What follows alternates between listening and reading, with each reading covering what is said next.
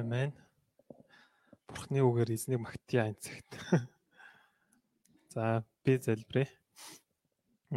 Хайртай бурхан минь ээ танд баярлалаа. Та энэ цагт биднийг таны өмнө хүндэтгэлийн ариун өдрийг сахиж таны үгнээс суралцж хамтаа залбирч өргөл өргөж таны үгнээс суралцахын хөө цай өгж эзнээ талархаж байна. Таны хөөцөг ариун сүнсээр өдөрдөн ивэж өгөөрэй.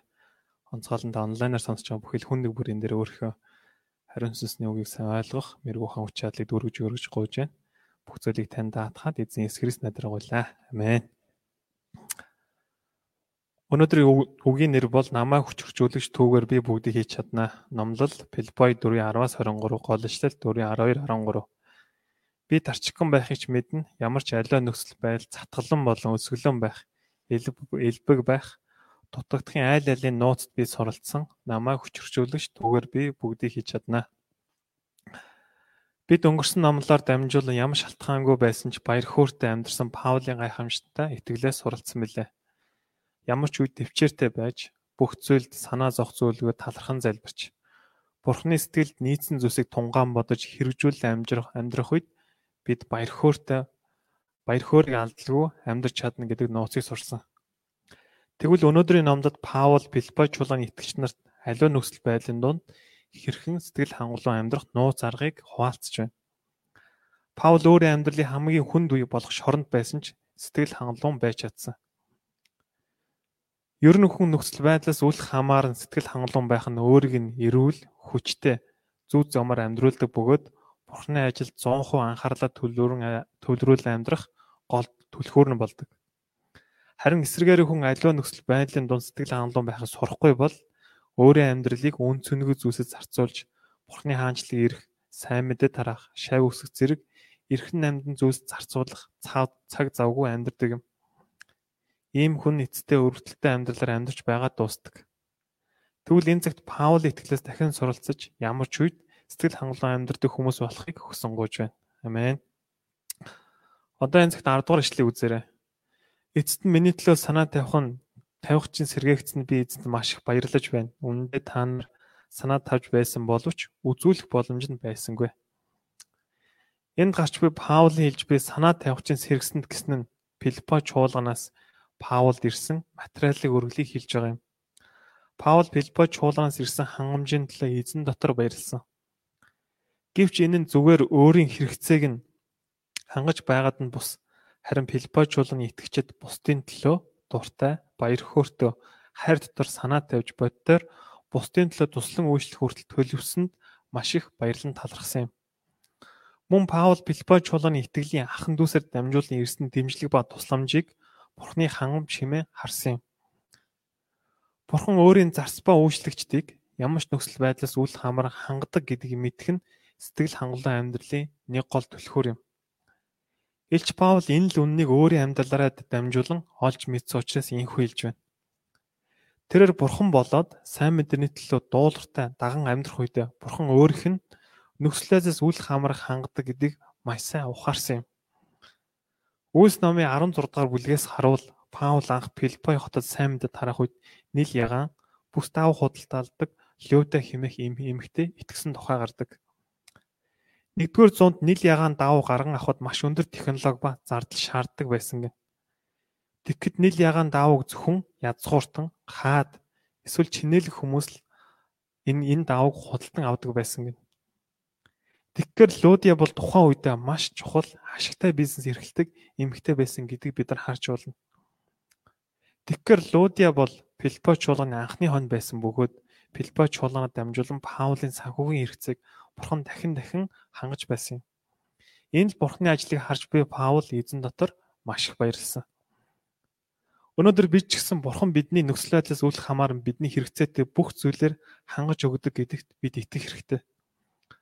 Одоо үед дэлхийд даяар дарахад би коронавирус болж улс орон хувь хүмүүсийн амьдралд маш том нөлөө үзүүлж байна. Монголд бензиний үн, махны үн өсөж, өргөн хэрэглээний барааны үн өсөж, эдийн засаг муу эдийн засаг хэцүү байдалд орж байна. Магадгүй хүний нүдээр харуул энэ байдал нь ямарч боломжгүй хүнд хэцүү, цөхөрмөр, шантармаар Бурхны хайр ба ивэл хангамжийг эдлэх боломжгүй мэт харагдаж болох юм. Гэвч Бурхан бидний гадна энэ мэд нөхцөл байдлаас үүлэх хамаар хэрэгцээтэй бүх зүйлээр хангаж өгч чадaltaй нэгэн билээ. Бид үүнд л итгэх хэрэгтэй. Матай номын 6-гийн 31-с 33-д инхүү хэлсэн байна. Тиймээс юу идэх билээ? Юу уух билээ? Эсвэл юу өмсөх билээ гэж санаа бүүзав. Харийнхан энэ бүх зүйлс зүйлсийг чамаа хайдаг билээ. Харин Тэнгэрлэг эцэг чинь та нарт энэ бүх хэрэгцээг мэддэг юм.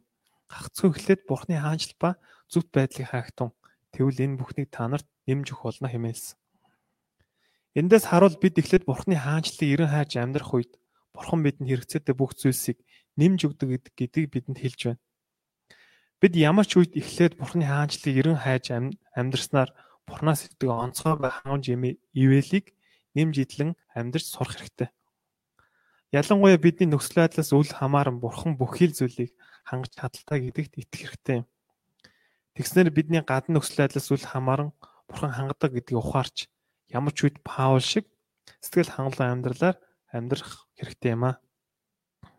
Энэ цагт манай чуулганы хүн нэг бүр бурханы хаанчлалыг эхлээд эрен хайснаар байдлаас үл хамааран ирдэг ирдэг бурханы хангаж ба ивэлийг эдэлдэн амьдрэх хүмүүсээр өсөж чадахыг хүсэн гойж байна. Одоо энэ цагт 11 12 дугаар ишлэг үзээрэй. Би үүнийг дутагдсны улмаас ярьж байгаа юм биш. Учир нь байгаадаа сэтгэл хангалуун байж сурсан юм. Би дарчигхан байхыг ч мэднэ, элбэг байхыг ч мэднэ. Ямар ч авлаа нөхцөл байдал затгалан болон өсөглөн байх, элбэг байх дутагдахын аль алийн нууцд би суралцсан гэж байна. Энд Паул нөхцөл байдлаас үл хамааран сэтгэл хангалуун байх нууц аргыг сурсан гэж хэлж байна. Өөрөөр хэлбэл Паулийн байгаадаа сэтгэл хангалуун байх мэдрэмж нь гадна байдлаас огт хамааралгүй түүнд байгаа эсвэл байхгүй зүйлстэй огт холбоогүй гэсэн утгатай үг юм. Хүний нүдээр харуул Паул тухайн үед хүний нүдээр харуул Паул эхнэргүй, үр хүүхдгүй, тогтвортой ирсэн ажилгүй, машингүй, өөрийн гэсэн орон орон байргүй байсан. Мөн тэрээр одоо шоронд байгаа бөгөөд түүний ирээдүйн хүртэл бүрхэг байсан юм. Гэвч тэрээр ямарч байдланд бол байгаадаа сэтгэл хангалуун байхыг сурсан гэж хэлж байна. Энэ сурсан гэдэг үг хоёр удаа, мэдэх гэдэг үг хоёр удаа Паул тавтан хэлсэн. Сурсан гэсэн бодит амьдралын туршлагыг харин мэдэх гэсэн амьдралын туршлагаар дамжин дамжин олж авсан үр дүнтэй мэдлэг гэсэн утгатай үг юм. Өөрөөр хэлбэл Паул байгаадаа сэтгэл хангалуун амьдрахыг энэ л амьдралын хугацаанд олж мэдсэн гэсэн утгатай. Эндээс бид Паулаас нэг зүйлийг сурж болно. Хүн нөхцөл байдлаас үл хамаар сэтгэл хангалуун байхыг бид сурсан сурдаг гэсэн үг юм. Түүнээс биш автоматар бидний дотор төрдөг бий болдог гэсэн үг биш. Тиймээс одоо бурхан надад зөвшөөрч буй альбаа нөхцөл байдал нь биднийг тухайн нөхцөл байдал сэтгэл хангалуун байх сурах нандин боломж хэмээн бид харах хэрэгтэй. Одоо мөнгөгүй, дарчигхан, өлсгөлэн аливаа ямар дутагдсан амьдарч байгаа мэт байна уу? Тэгвэл энэ байдал дундч байгаадаа сэтгэлэн хангалуун байхыг сурах нандин боломж завшаан хэмээн хүлээн авах хэрэгтэй. Магадгүй элбэг дүүрэн цатгалан байвал энэ байдал донд бардам, улам шунлын гэмд унлгүй байгаадаа сэтгэл хангалуун байхыг бид сурах хэрэгтэй. Тэгэд элбэг дүүрэн байлгаж байгаад бурхан талархаж эзэн ба хөршүүдийн төлөө өөртөө байгаа бус өөртөө байгаа бусдын төлөө зориулдаг, бусдаа хуваалцдаг, бусдыг ивэдэг, бусдыг тэнхрүүлдэг хүнээр суралцах хэрэгтэй юм. Тэр бид энэ мэт одоо байгаа өөрийн нөхцөл байдалтай сэтгэл хангалуун байх сурахгүй бол байдал өөрчлөлт өөрчлөгдсөн ч хэсэг хугацааны дараа бидний сэтгэл байгаа зүйл сэтгэл дундуур байсаар л байх бол энэ бол маш аюултай юм.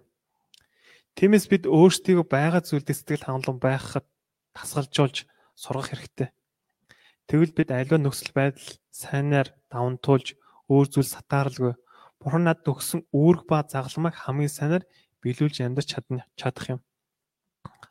Янз цагт манай чуулганы хүн нэг бүр бурхны зөвшөөрж өгч нөхцөл байдлыг зөвөр харж байгаадаа сэтгэл хангалуун байхыг сурч чадахыг хүсэн гож байна. Тэгвэл Паул ямар ч нөхцөл байдлууд байгаадаа сэтгэл хангалуун байх нууц аргыг юу гэж хэлж байна вэ? 13 дахь эшлэгийг үзээрэй. Бүгдээрээ хамтдаа уншъя. Филиппой 4:13 бүгдээрээ хамт уншия зэрэг. За эхлэе. Намайг хүчржүүлэгч түүгээр би бүгдийг хийж чадна. Намайг хүчржүүлэгч түүгээр би бүгдийг хийж чадна. Энд гарч би хүчржүүлэгч гэсэн үг нь грек хэлэнд дунамис гэдэг үгээр илэрхийлэгдэх бөгөөд энэ нь хүч чадал, хүч чадвар гэсэн утгатай үг юм. Энэ нь мөн динамик буюу хөдөлгөөн, идэвхтэй, эрч хүчтэй гэсэн үгийн язгуур үг. Эндээс харуул Паул Христэд дамжин түүнд хүч чадал өгдөж хүчрэгчдэг байсан гэсэн утгатай. Паул Иесус Христээс хүч чадлыг авч хүчрэгчдэг байсан учраас ямар ч нөхцөл байдлын дунд байгаадаа сэтгэл хангалуун байж зөвхөрөхгүй, шандрахгүй, бардамнахгүй амьдрч чадсан юм. Өөрөөр хэлбэл Паул өөрийн хүч чадлаар эсвэл хичээл зүтгэлээр бус зөвхөн эзэн Есүс Христийн өгдөг хүч чадлаар л бүгдийг хийж чадсан гэсэн утгатай үг юм. Библиэс бид Паулийн амьдралыг харуул сайн мэдээний төлөө амьдрснаас болж тэрээр амьдралдаа маш их хавчлага зовлон хүнд хэцүү нөхцөл байдалд орж байсан бид нар харж байна.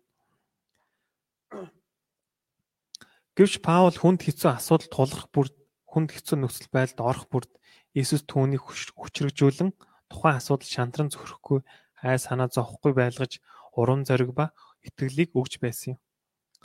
Мөн Паулыг Бурхан дотор маш их үр жимстэй Бурхны онцгой хөвөлийг авах үед бардам онгорой бус харин төлөв дараа амьдрах хүчийг зөвхөн Есүс өгж байсан юм. Бид ч Паул шиг Христэд дамжирдаг энэ хүчийг амсаж аливаа амьдралын нөхцөл байдлыг зөөр тавндуулж сурах хэрэгтэй. Тэгвэл бид ямар ч үед хүчтэй, сэтгэл хангалуун, баяр хөөртэй Бурхны ажилд нандинаар хэрэглэгдэн амьдарч чаднаа. Тэгвэл Бурхан бидэнд Христэд дамжин ямар хүчийг өгдөг вэ? Нэгдүгээрт Эзэн Есүс бидэнд нөхцөл байдалд хүлэгдэлгүй амьдрах хүчийг өгөөг юм.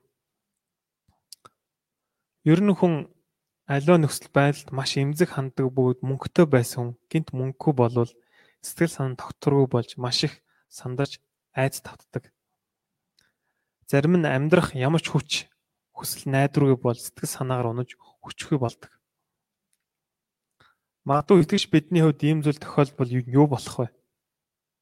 Заримных нь хувьд бурханд гомдлож талархаж бурханд гомдлож залбирлж чадахгүй болдог. Гэвч бурхан бидний хүч хөржүүлэх үед нөхцөл байдлыг даван дийлэх уран зориг ба хүч хүсэл найдварыг зөвшөөрж өгдөг юм. Мөн бурханд найдан залбирах итгэлийн хүчийг хүртэл өгдөг. Яагаад гэвэл Есүс Христ бидний хүч хөржүүлдэг учраас тэр юм. Эзэн хүчржүүлэхэд бид ямар ч үед зөвхөрөхгүй, гомдлохгүй, уурлан бухимдахгүй амьдрч чадна мөн нөхцөл байдалд хөтлөгдөн нөхцөл байдал хөтлөгдөн эд баялагын шунхайл авталгүй хэцүү үеч бүхнийг хангадаг эзэнт найдан байгаадаа сэтгэл хангалуун баяр хөөртэй амьдарч чаддаг. Нэг үгээр хэлбэл тулгарч буй нөхцөл байдлыг даван дийлж хяналтын гайхамшигтай хүчтэй амьдралаар амьдарч чаддаг гэсэн утгатай. Эсвэргээрээ тэгвэл ядуу дарчиг байгаад гинт баян элбэг дүүрэн болох үед яадаг вэ хүн? Ихэнх хүн энэ үед өөрийн хүчээр энэ бүх зүйлийг олж авсан мэт санан бардам онгорой болдог. Мөн улам баяжих хүсэл шуналд ундаг. Тэгэд элбэг дүүрэн болох үед бурхан ба эргэн тойронд байгаа хүмүүсийг ивэлийг бурхны өгсөн ивэлийг хуваалцалгүй гар татаа амьдардаг. Бурхан найдан түшгэлэхэ болж итгэлийн замаа орхих үе хүртэл байдаг. Бурхан болоод бусдад үйлчлэн амьдрах нь хохирол мэт санагдан үүргээс ч хүртэл зайлс хийдэг. Эцэстээ сүнсний хүслэхүү болж дэлхийн зүйлсээс баяр хөөргийг хөөцөлдөн эцэст нь гим дундаг. Тиймээс Илч Паул Филиппой номонд баяжих хүсэлтэй хүмүүст хандан сэтгэл хангалуун байх анхаарал ба сануулгыг маш тодорхой өгсөн байдаг. Ийхүү хүн бол нөхцөл байдалд автагдан амархан хуурах сул дараа мөн чанартай чанартай учраас бид анхааралтай болгоомжтой байх хэрэгтэй. Хэрвээ эзэн бидэнд хүчийг өгөхөд нөхцөл байдал хүлэгдэлгүй хууршгүй итгэлээр Бурхныг хайрлан хөршүүдэд үйлчлэн амьдрахыг бид сурах хэрэгтэй. Тиймээс бид ямар ч үед намаа хүч хөржүүлэгч Есүстэй бүрэн нэгдмэл байн харилцаатай байхыг хичээх хэрэгтэй юм. Энэ нь өөрийн гин бас сул дорой мөн чанан ялан дийлж сэтгэл хангалуун байх бас нэг нууц арга үлээ. Хоёрдугаарт эзэн бидэнд ямар ч нөхцөл байдал талархах зүйлс олох олох хүчийг өгдөг юм. Ядуу дарчиг байсан ч, хэцүү зовлон дунд байсан ч, элбэг дүүр хүндэтгэлтэй байсан ч, Бурхны зөвшөөрсөн ямар ч нөхцөл байдал донд Бурхан дотор түүнд талархаж амьдрах нь эрүүл зөв сэтгэл хангалуун амьдрахын бас нэг нууц арга юм. Солонгос улсад уян өвчтөе хүмүүсийн амьдрал амьдардаг сорогдоо гэдэг нэртэй арал байдаг. Тэнд амьдардаг хүмүүсийг хүний нүдээр харуулах хамгийн өрөвдөлтөй муу хувь заяатай хүмүүс мэт харагддаг. Гэвч тэдний дотор орж үзвэл эрүүл хүмүүсээс ч олж чадахгүй сэтгэл зүрх ба хандлагыг тэдгээр хүмүүсээс олж хардаг гин. Тэд амьдралын бүхэл хүсэл шуналыг бүрэн орхисон учраас эрүүл хүмүүсээс харж чадахгүй. Эрүүл хүмүүсийн харж чадахгүй аз жаргал, талархал, баяр хөөр, сэтгэл хангалуун, хүч тэдний дотор дүүрэн байдаг гин. Тэд Есүс Христ ба Бурхны хаанчлалын хүсэл найдвараар дүүрч өдөр бүр баяр хөөрдгөр Бурхныг магтандуулж амьдардаг. Бурхан тэдний өвчнийг эдгэж өгөхгүй байсан талхал ба сэтгэл хангалуун хүчтэй амьдардаг. Тэдний Бурхныг магтандуулж буй хөндлөнгөөс нь сонсвол Тэнгэрийн хаанчлал байгаа мэт тийм гайхамшигтай мэдрэмжийг төрүүлэхээр магтандуу дуулдаг гэж. Эндээс харуул бид ямар ч нөхцөл байдал донд талархах зүйлс нь биднээс хол бус харин маш хойр байдаг гэдгийг бид нар сурч болно. Тиймээс бид надад ойрхон байдаг талархах зүйлсийг олж амьдрах хэрэгтэй. Юм юмар дутагдж, өр зээлхтэй. Гэр бүл хүүхэд асуудалтай, ажил олдохгүй, хонь асуудалтай. Ковидос болж хязгаарлан байдал байсан ч түүгээр хүчрэгчэд бид талархах зүйлсийг олж сэтгэл дүүрэн, сэтгэл хангалуун амьдрч чадна. Амен. Одоо 19 дэх хэвшлийг үзээрэй. Миний бурхан алдагдах баялгаар Христ дотор та нарын хэрэгтэй бүхнэр чинь хангана гэж байна. Энд хэрэгтэй бүхнэр гэдэг нь мах бод болоо сэтгэл санааны бүх хэрэгцээг хилдэг. Паул Филиппо чуулганы өөрт нь өгсөн элбэг ба бэлэг ба хандвийг Бурхан эргүүлэн тэдэн алдардах баялгаар Христ дотор хэрэгцээтэй бүх зүйлээр нь эргүүлэн хангана хэмээн хэлж байна. Өөрөөр хэлбэл Бурхан бүх талаас нь тэднийг өрөөнө гэсэн утгатай. Эндээс бид үргэлж сэтгэл хангалуун амьдрах бас нэг нууц арга бол бусдад бодтойгоор материалын болон хэрэгцээтэй зүйлсээр нь бусдыг дэмжин туслах явдал гэдгийг бид нар сурж болно. Өөрөөр хэлбэл бид дэлхийн сайн мэдээний төлөө итгэлийн илгээлтийн эзэд мишонерууд хамтран зүтгэгчид хондийнхоо төлөө өөрт байгаа хуваалцдаг, өрөөдөг, өргөдөг амьдрал нь өөрөө биднийг сэтгэл хангалуун баяр хөөртэй ажаргалтай амьдралын үндэс болдог гэдгийг бид нар заан өгч байна. Тиймээс бид корона цар тахалтай хүнд хэцүү энэ үед өөрт байгаа зүйлээ бусдад харамгүй хуваалцах үед Бурхан биднийг сэтгэл сүнс болоод бие мах бодийн хувьд хэрэгцээтэй бүхэл зүйлсээр ерөө хангаж өгөх болно. Амен. Иймхүү манай чуулганы хүнийг бүр бие биедээ бодтоор туслан үйлчлснээр Филиппо чуулганы итгэгчид чиг хайр ба үйлчлэлээр дүүрэн төлөвсөн чуулган болж өсч чадахыг хүсэнгүйж байна. Амен. Дүгнэлт Паулийн хүч чадлын их үндэс нь өөрөө бус Бурхан Есүс Христ байсан гэдгийг бид нар сурлаа. Тэр Христийг өгдөг тэр Христийн өгдөг хүч чадлаар ямар ч нөхцөл байдлын дунд сэтгэл ханамжтай урам зоригтой эрх чөлөөтэй амьдарч чадсан.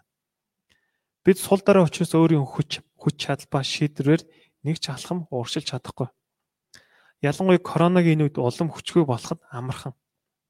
Харин бидний хүч хөрчүүлэгч Есүс Христэд бат түшиглэн Есүс Христтэй бат харилцаатай байх үед эзэн бидэнд бүх нөхцөл байдлыг яландилж амьдрах хүч чадал ба урам зориг мэрэгүү мэрэгүү ухааныг зөвшөөрж өгөх болно.